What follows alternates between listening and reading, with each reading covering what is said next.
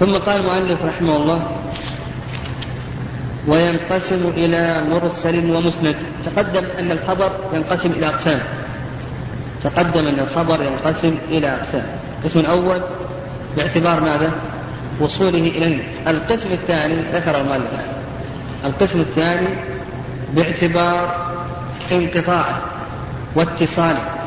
يعني باعتبار انقطاعه واتصاله فيقول المؤلف رحمه الله ينقسم إلى مرسل ومسند والمرسل ينقسم إلى أقسام والمسند ينقسم إلى أقسام وهذه سنتعرض لها إن شاء الله بالإجمال قال قال مرسل ومسند فالمسند ما اتصل إسناده والمرسل ما لم يتصل إسناده. المسند في اللغة يعني المسند في اللغة اسم مفعول. يعني المسند في اللغة اسم مفعول. وهو الضم. اسم مفعول من الإسناد. وهو الضم. يعني ضم جسم إلى آخر.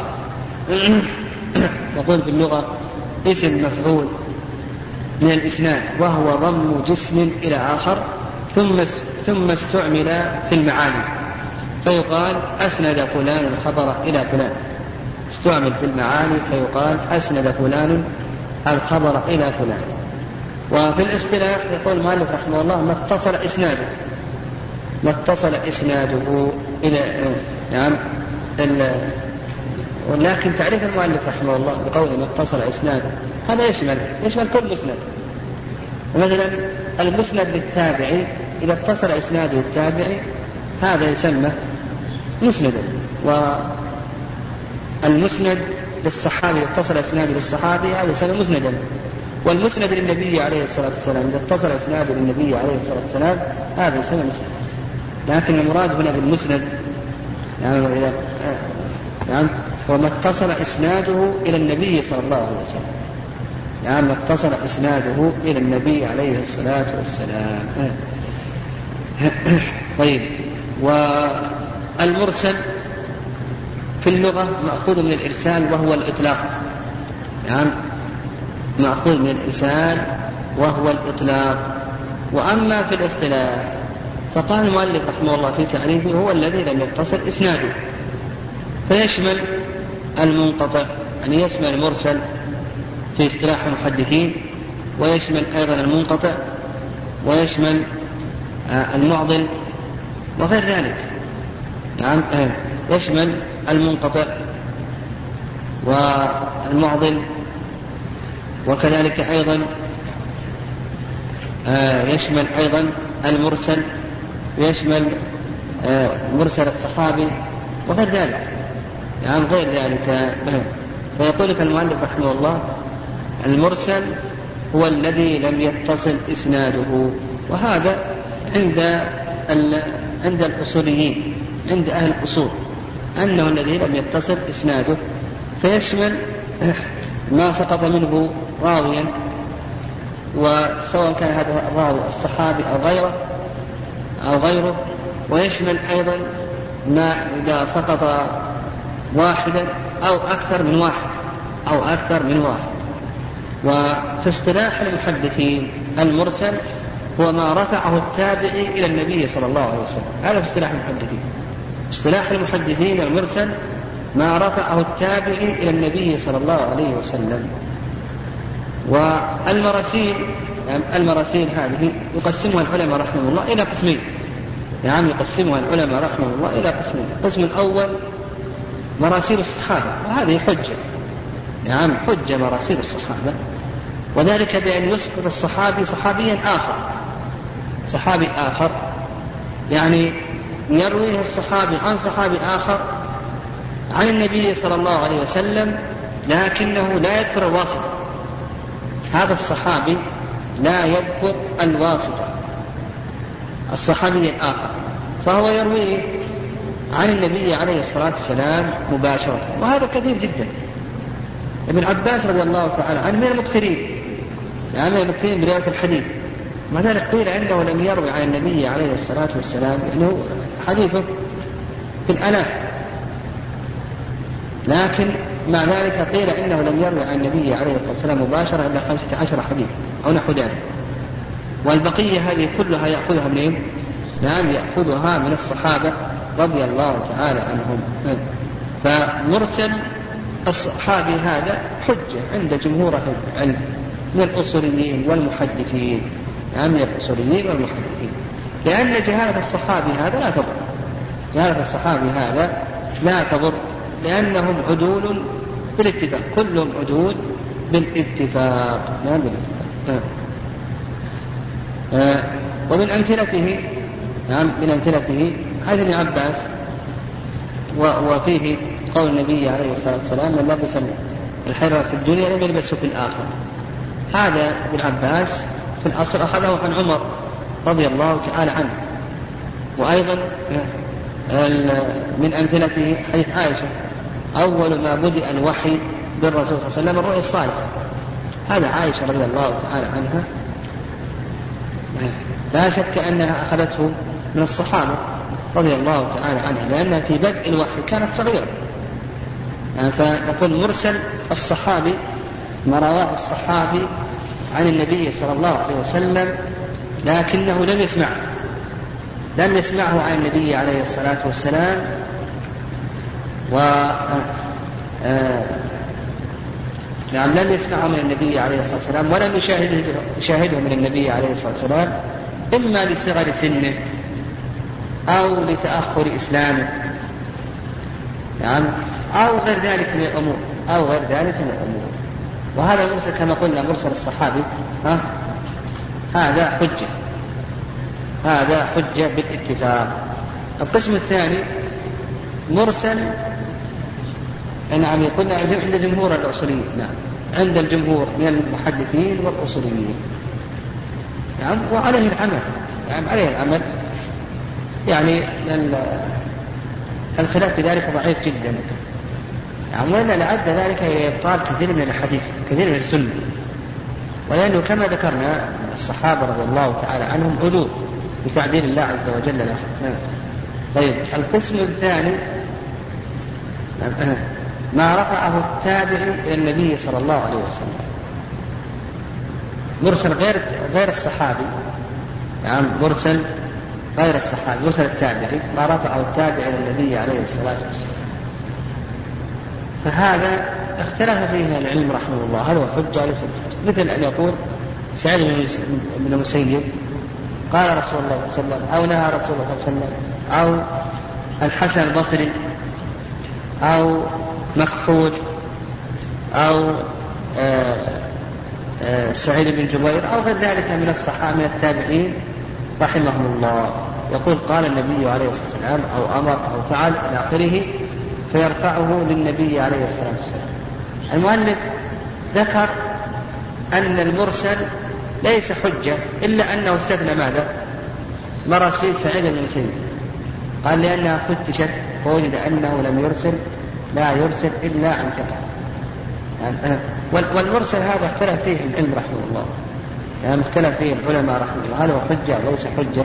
على أقوال. على أقوال. قول أول أنه ليس حجة. وهذا ما عليه الأئمة من المحدثين. يعني أئمة أئمة المحدثين على أنه ليس حجة. نعم ليس حجة. وهذا اختيار البخاري رحمه الله. وكذلك أيضا البخاري الإمام مسلم رحمه الله. نعم. وكذلك أيضا مذهب رجحه يعني ابن عبد البر وابن الصلاح يعني ابن عبد البر وابن الصلاح وابن حجر في شرح النخبة. والعلة في ذلك أن التابعي يحتمل أنه أسقط الصحابي ويحتمل أنه أسقط غير الصحابي. فهذا المسقط هذا مجهول. هذا المسقط هذا مجهول. وإذا قلنا بأن هذا المسقط يعني جهالة المسقط الآن إذا قلنا بأن هذا المسقط الآن ثقة فيحتمل أنه رواه عن ضعيف. نعم رواه عن ضعيف. فالخبر أن يتطرق إليه يتطرق إليه الضعف.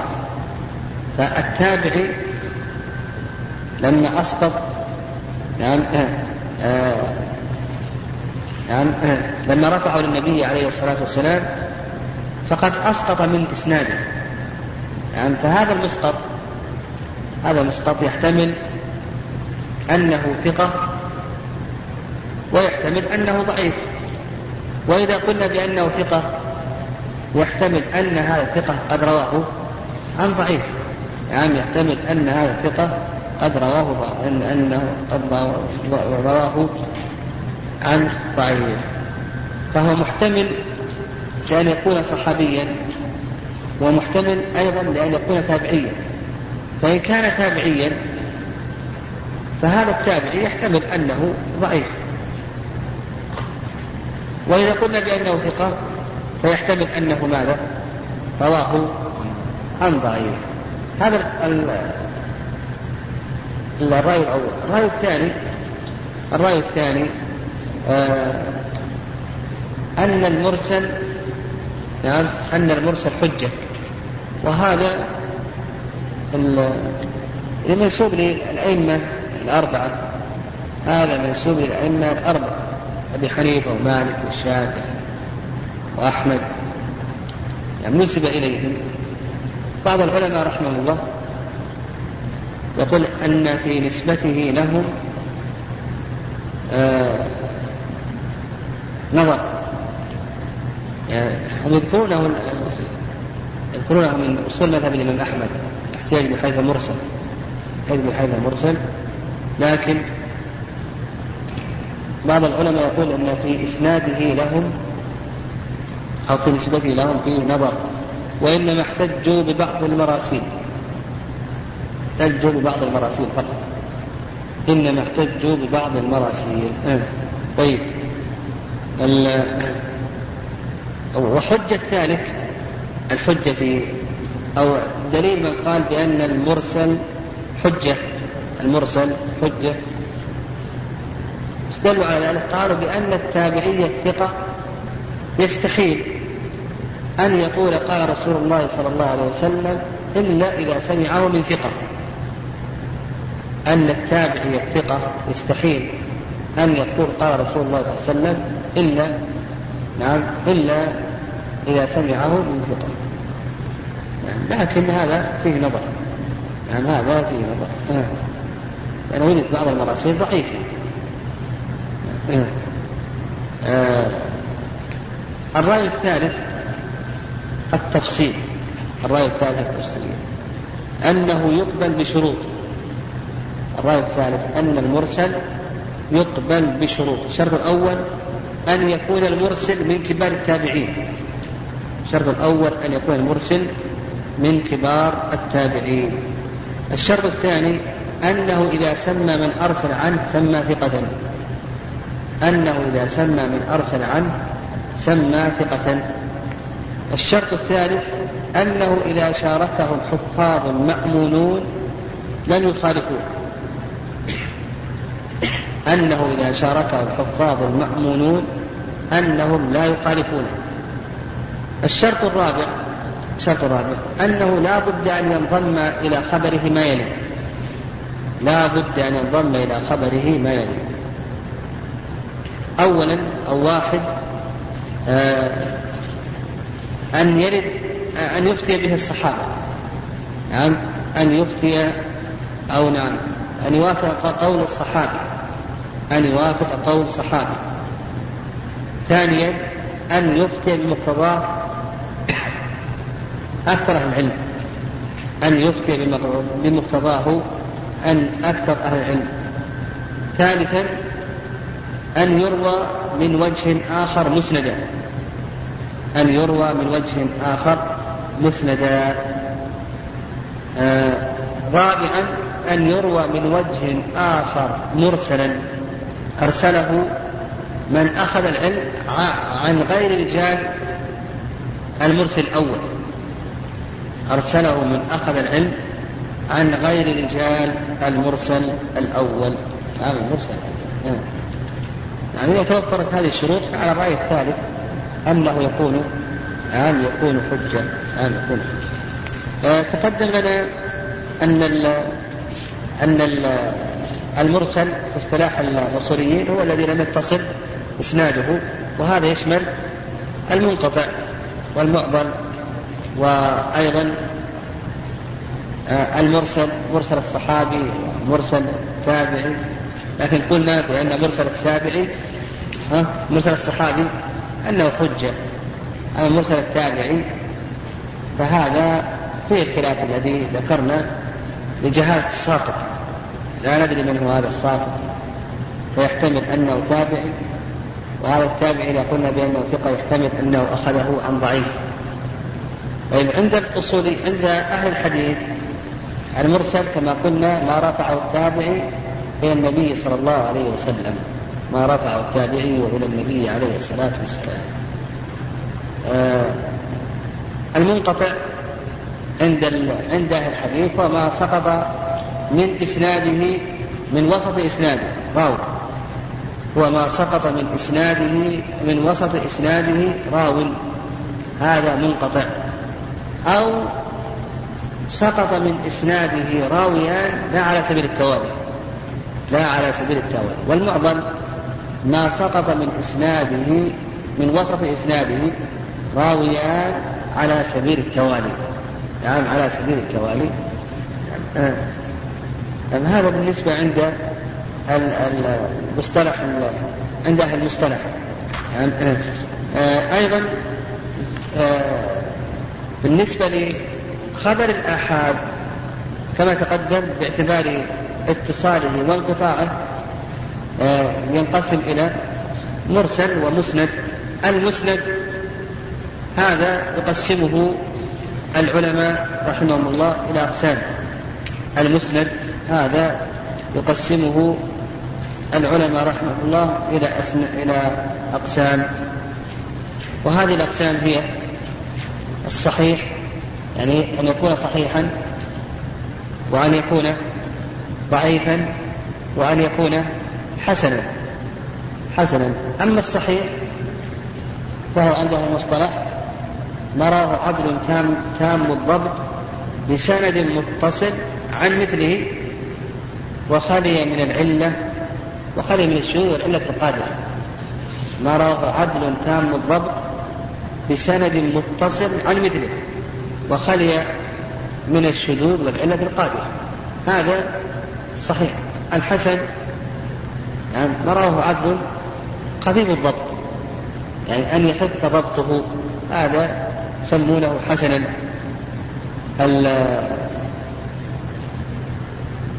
الضعيف ما اختل فيه شرط من شروط الصحة. ما اختل فيه شرط من شروط الصحة. ويقسمون يعني الصحيح إلى صحيح لغيره وصحيح لذاته والحسن كذلك. أيضا يقسمونه إلى حسن لذاته وحسن لغيره. كذلك أيضا من أقسام قلنا الخبر الخبر قلنا بأنه ينقسم إلى أقسام القسم الأول باعتبار وصوله إلينا والقسم الثاني باعتبار اتصاله وانقطاعه. القسم الثالث باعتبار تعدد طرقه يعني الخبر باعتبار تعدد طرقه ينقسم إلى أقسام. ينقسم إلى أقسام. القسم الأول القسم الأول آه المشهور وهو ما رواه ثلاثة فأكثر.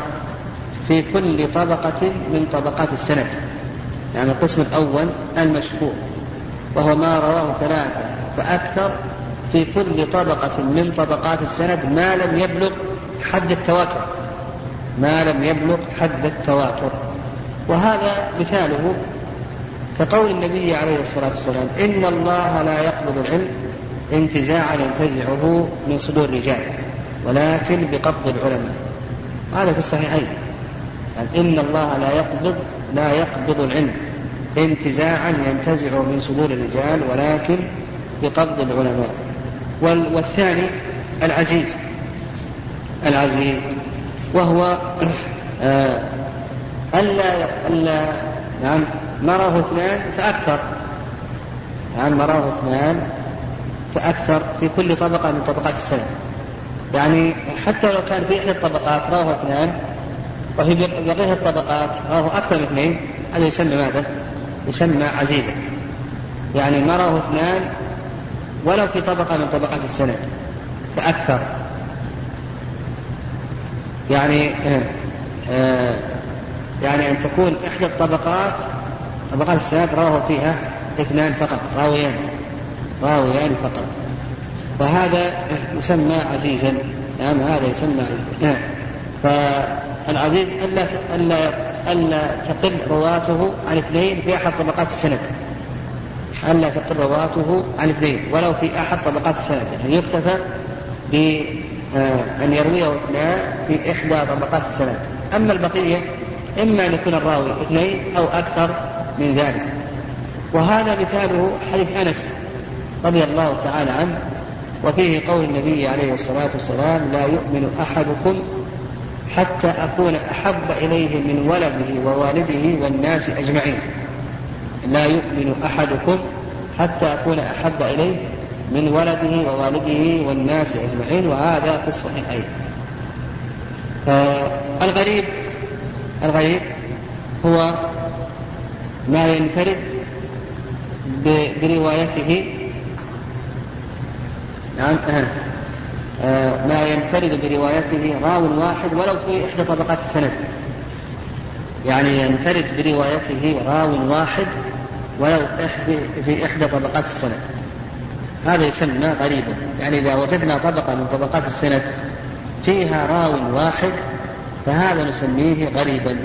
وهذا مثاله حديث عمر رضي الله تعالى عنه. إنما الأعمال بالنيات وإنما لكل امرئ ما نوى. قال رحمه الله والعنعنة تدخل على الأسانيد وإذا قرأ الشيخ يجوز للراوي أن يقول حدثني وأخبرني وإن قرأ هو على الشيخ فيقول أخبرني ولا يقول حدثني وإن أجاز له الشيخ من غير رواية فيقول أجازني وأخبرني إجازة. آه الحديث له تحمل وله أداء. الحديث له تحمل وله أداء. فالتحمل أخذ الحديث عن غير والأداء هو إبلاغ الحديث إلى الغير التحمل أخذ الحديث عن الغير والأداء إبلاغ الحديث عن الغير وقوله العنعنة آه آه تدخل على سنين العنعنة هي رواية الحديث بلفظ عنه. يقول فلان عن فلان عن فلان إلى آخره. و آه، طيب وقوله العنعنة تدخل على سنين كلام المؤلف رحمه الله هنا يشير إلى أن الإسناد المعنعن أنه حجة. يعني الإسناد المعنعن أنه حجة. يعني وهذا هو الصحيح. يعني هذا هو الصحيح. يعني هل الإسناد المعنعن هل هو حجة أو ليس حجة؟ هذا فيه خلاف. لكن ما عليه جمهور الأصوليين والمحدثين أن الإسناد المعنعن أنه حجة. يعني وقد ورد عن يحيى بن سعيد القطان كل حديث آه، ليس فيه حدثنا آه، أخبرنا فهو بطل فهو بطل. لا, لا شيء. نعم لا شيء. يعني أنه لا بد أن يكون الحديث مصرحا فيه بالسماع والرواية. أما إذا كان معنعنا فإنه لا يصح. لكن العمل الآن على خلاف ذلك. ولو قلنا بأن الحديث المعنعنة هذه آه لا بد فيها من التصريح بالسماع والرواية لأدى ذلك إلى إبطال كثير من السنة. فما عليه الآن استقر العمل عليه عند جمهور المحدثين والأصوليين آه أنه نعم أنه يصار إلى ماذا؟ يصار إلى العمل بالحديث المعنعن. لكن الحديث المعنعن هذا لا بد له من شرطين. نعم لا بد له من شرطين. الشرط الأول آه سلامة معنعنه. الشرط الأول سلامة المعنعن عن التدليس. فلا يحكم بالاتصال من مدلس إلا أن يصرح بالتحديد. يعني إذا عرفنا أن الراوي هذا مدلس فإنه إذا عنعن في الحكم. تقبل عن عنك ولا تقبل؟ نقول لا تقبل. نقول بأنها لا تقبل. طيب الشرط الثاني الشرط الثاني آه إمكان إمكان اللقي والسماع. يعني الشرط الثاني لقاء الراوي نعم لقاء الراوي لمن روى عنه. واجتماعهما ولو مرة واحدة. نعم لقاء الراوي لمن روى عنه واجتماعهما ولو ولو مرة واحدة ولو مرة واحدة. يعني أن يكون هذا الراوي قد سمع من الشيخ الذي عن عن عنه. يعني لو سمع منه ولو حديث واحد يكفي. يعني أنه قد التقى به واجتمع به ولو مرة واحدة. المهم يكون سمع منه. سمع منه وهذا ما ذهب إليه البخاري رحمه الله وابن المدين. هو اللي وقع فيه الخلاف بين مسلم وبين البخاري. بين مسلم وبين البخاري. البخاري يقول لابد أن يكون قد التقى به وسمع به يعني سمع منه. ولا يشترط أن يكون سمع من كل حديث. هذا صعب. يكون سمع من كل حديث هذا صعب. لكن لا بد أن يكون قد التقى به. هو جمهور المحدثين على هذا. جمهور المحدثين على ما ذهب إليه إمام المحدثين البخاري رحمه الله. الرأي الثاني رأي مسلم يقول هذا ليس بشرط. مسلم رحمه الله يقول هذا ليس بشرط لكن يكتفى بإمكان اللقاء والمعاصرة يقول إذا أمكن اللقاء والمعاصرة هذا ليس بشرط. ومسلم رحمه الله له وجهة نظر. يقول لأن كون نقول أنه يعني كون نقول بأنه اشترط أن يكون سمع منه إما أن نشترط السماع في كل حديث ها؟ إما أن نشترط السماع في كل حديث وإلا ما يحتاج أن نشترط في السماع ولا في بعض الأحاديث. يعني هذا وجهة نظر مسلم رحمه الله. يعني مسلم رحمه الله يقول يعني ال ال كون أن نقول استمع استمع منه والتقى به وأخذ منه بعض الأحاديث. إما النظر ذلك في كل حديث كما قال يحيى بن سعيد القطان كل حديث ليس به حدثنا. أخبرنا فهو خل وبطل أو نقول بأنه آه آه أنه يكتفى يكتفى بإمكان آه اللقاء والمعاصرة. إذا كان يمكن أنه لقيه وعاصره وإن لم يكن سمع منه نعم وإن لم يكن سمع منه وإن لم يكن التقى به أو استمع به فإن هذا نعم فإن هذا آه نعم فإن هذا آه يحكم حكم الاتصال. نعم في حكم الاتصال. نعم. المهم أنه الآن الآن لا الأمر على ما ذهب إليه أو العمل على ما ذهب إليه مسلم آه البخاري. نعم البخاري رحمه الله. فلا بد أن يكون التلميذ سمع من الشيخ ولو بعض الأحاديث والتقى به واجتمع به. نعم واجتمع به. فإذا عرفنا أنه سمع به حملنا هذا العنعنة على ماذا؟ ها؟ على اتصال. أما إذا كنا عرفنا أن هذا لم يسمع من هذا فنحملها على الانقطاع. نعم على الانقطاع. طيب ثم بعد ذلك ذكر المؤلف رحمه الله صيغ أداء الحديث. سياق أداء الحديث قال وإذا قرأ الشيخ يجوز للراوي أن يقول حدثني وأخبرني وإن قرأ على الشيخ فيقول أخبرني ولا يقول حدثني. طرق تحمل الحديث تنقسم إلى قسمين. طرق تحمل الحديث تنقسم إلى قسمين. القسم الأول السماع من لفظ الشيخ. السماع من لفظ الشيخ يعني يسمع من لفظ الشيخ. والطريقة الثانية القراءة على الشيخ وتسمى العرض وتسمى العرض وهذه هي المعروفة عند أئمة المحدثين. قال وإذا قرأ الشيخ يجوز للراوي يقول حدثني وأخبرني وإن قرأ هو على الشيخ فيقول أخبرني ولا يقول حدثني. هاتان الطريقتان. نعم طريقتان. أن يسمع من لفظ الشيخ التلميذ يسمع من لفظ الشيخ الطريقة الأولى. الطريقة الثانية أن آه، يقرأ على الشيخ وتسمى العرض هاتان الطريقتان لتحمل الحديث هذه هي المعروفة عند المتقدمين عند الأئمة والمستعملة في عصر الرواية. المستعملة في عصر الرواية.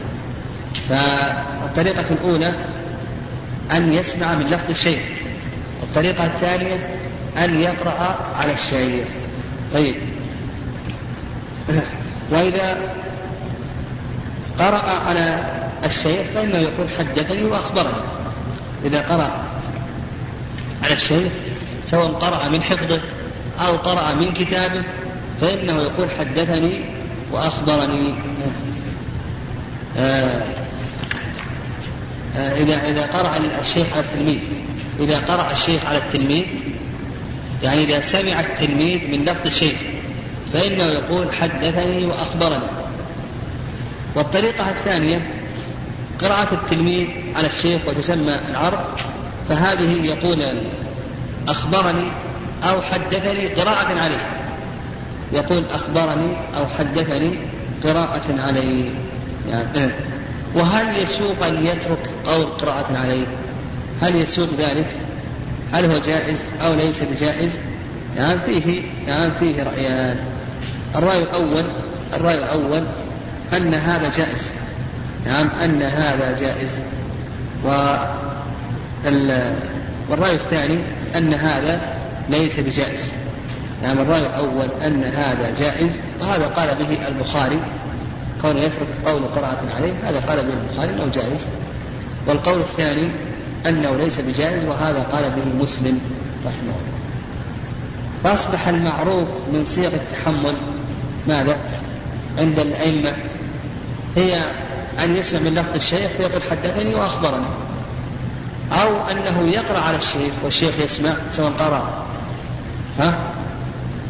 يقرأ التلميذ على الشيخ والشيخ يسمع ويسمى العرض ويقول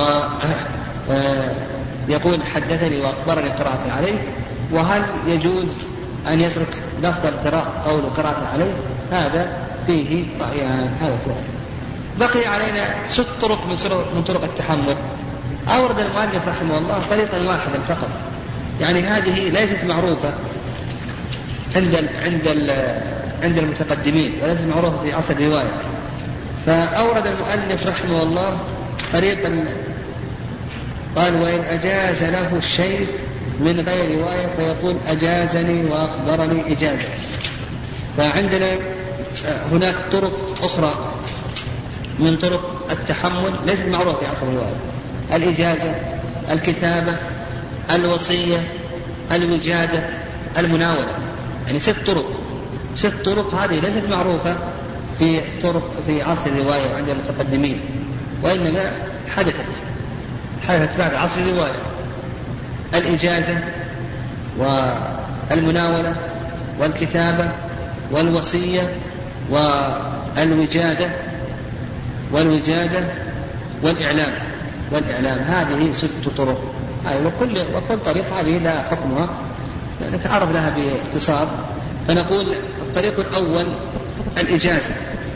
الإجازة. والإجازة هي أن يأذن الشيخ للتلميذ أن يروي عنه ما روى. الإجازة أن يأذن الشيخ للتلميذ أن يروي عنه ما روى. كان يقول أجزت لك أن تروي عني صحيح البخاري. أجزت لك أن تروي عني صحيح مسلم. فيقول التلميذ أجاز لي أو أخبرني إجازة عند الرواية. يقول أجاز لي أو أخبرني إجازة. وفي اصطلاح المتأخرين يعبر عنها أنبأنا. في اصطلاح المتأخرين نعم يقولون أنبأنا. والإجازة هذه أنواع. الإجازة هذه أنواع. النوع الأول النوع الأول أن أن يجيز معينا لمعين. النوع الأول أن يجيز معينا لمعين. كان يقول أجزتك صحيح البخاري أو صحيح مسلم ونحو ذلك. أن يجيز معينا لمعين. الثاني أن يجيز معين لغير لغير معين. الثاني أن يجيز معين نعم أن يجيز آه معينا لغير معين. نعم أن يجيز معينا لغير معين. كان يجيز صحيح البخاري. نعم يقول لأهل زمانه نعم أن يجيز صحيح البخاري مثلا يقول لأهل زمانه هو الآن أجاز معينا وهو صحيح البخاري لغير معين وهو صحيح وهو لأهل زمانه لأهل زمانه الصورة الثالثة عكس هذه وهي ماذا؟ ها؟ أن يجيز غير معين لمعين أن يجيز غير معين لمعين. كان يقول أجزت لك مسموعاتي. أجزت لك مسموعاتي. الثاني الصورة الرابعة أن يجيز غير معين لغير معين. أن كان يقول أن يجوز يجيز مجهول لمجهول. يقول أجزت كتاب السنن. وله وهو يروي عدة كتب من كتب السنن السنن. لأهل زمانه أو لفلان وفلان هذا يشترك هذا الاسم يشترك فيه عدة أشخاص. لفلان وهذا يشترك فيه عدة أشخاص. الصورة الخامسة أن يجيز للمعدوم إما تبعا أو استقلالا. يعني يقول أجزت لفلان ولمن, ولمن يولد لفلان؟ أن يروي عن البخاري هذا تبع. أو استقلال. يقول أجزت لمن يولد لفلان؟ أن يروي عني صحيح البخاري. ويصح من هذه عند الجمهور يصح هو القسم الأول. أما بقية الأقسام فهذه هذه ضعيفة. فيها خلاف. نعم فيها خلاف.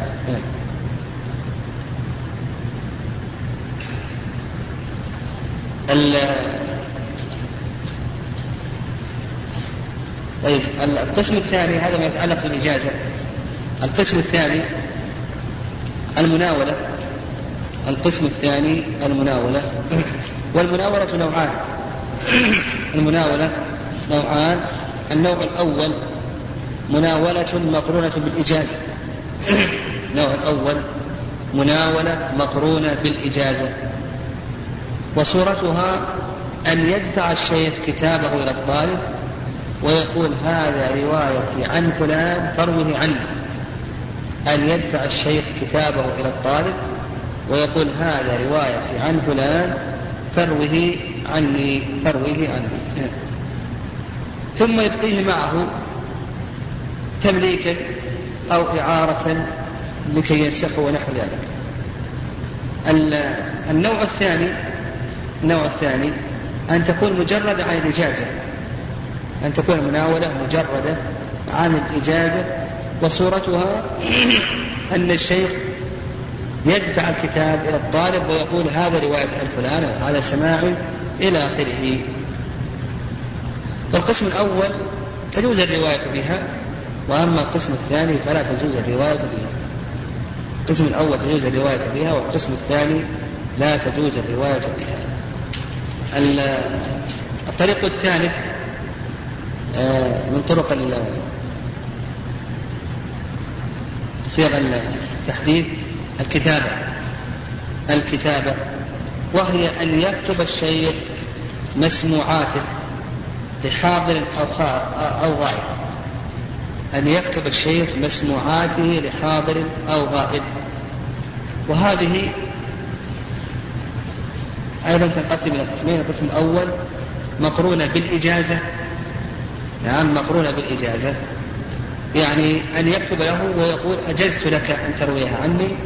والقسم الثاني القسم الثاني آه مجردة عن الإجازة. القسم الثاني مجردة عن الإجازة. كان يكتب له بعض الأحاديث أو بعض المرويات ويرسلها إليه و نعم.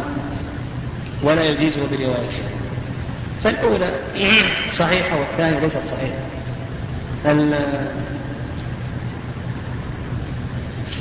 القسم الرابع الإعلام. القسم الرابع الإعلام. والإعلام أن يخبر الشيخ الطالب أن هذا الحديث أو هذا الكتاب سمعه نعم يخبر فقط. نعم يخبر الشيخ الطالب أن هذا الحديث أو هذا أو هذا الكتاب أنه سماعه أو روايته إلى آخره. وهذه اختلف فيها نعم اختلف فيها. والصحيح أنه لا تجوز روايته. صحيح أنه لا تجوز الرواية بها. لأنه قد يخبره أن هذه سماعه ولكن فيها خلل. نعم فيها خلل. القسم الخامس الوصية. نعم القسم الخامس الوصية وهي أن يوصي عند موته. نعم يوصي عند موته آه لشخص عند موته أو عند سفره لشخص بكتاب من كتبه يرويه. نعم بكتاب من كتبه يرويه. وهذه أيضا لا تصح الرواية بها. لا تصح الرواية بها.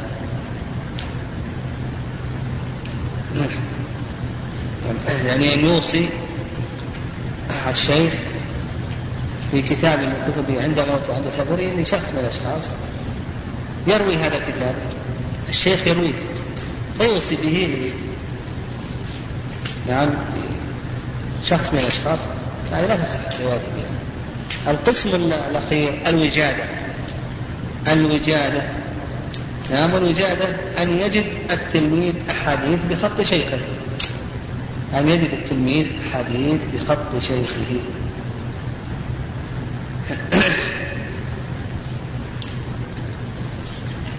وليس للتلميذ سماع منه ولا رواية. نعم فهذه نعم. لا تصح الرواية والله أعلم.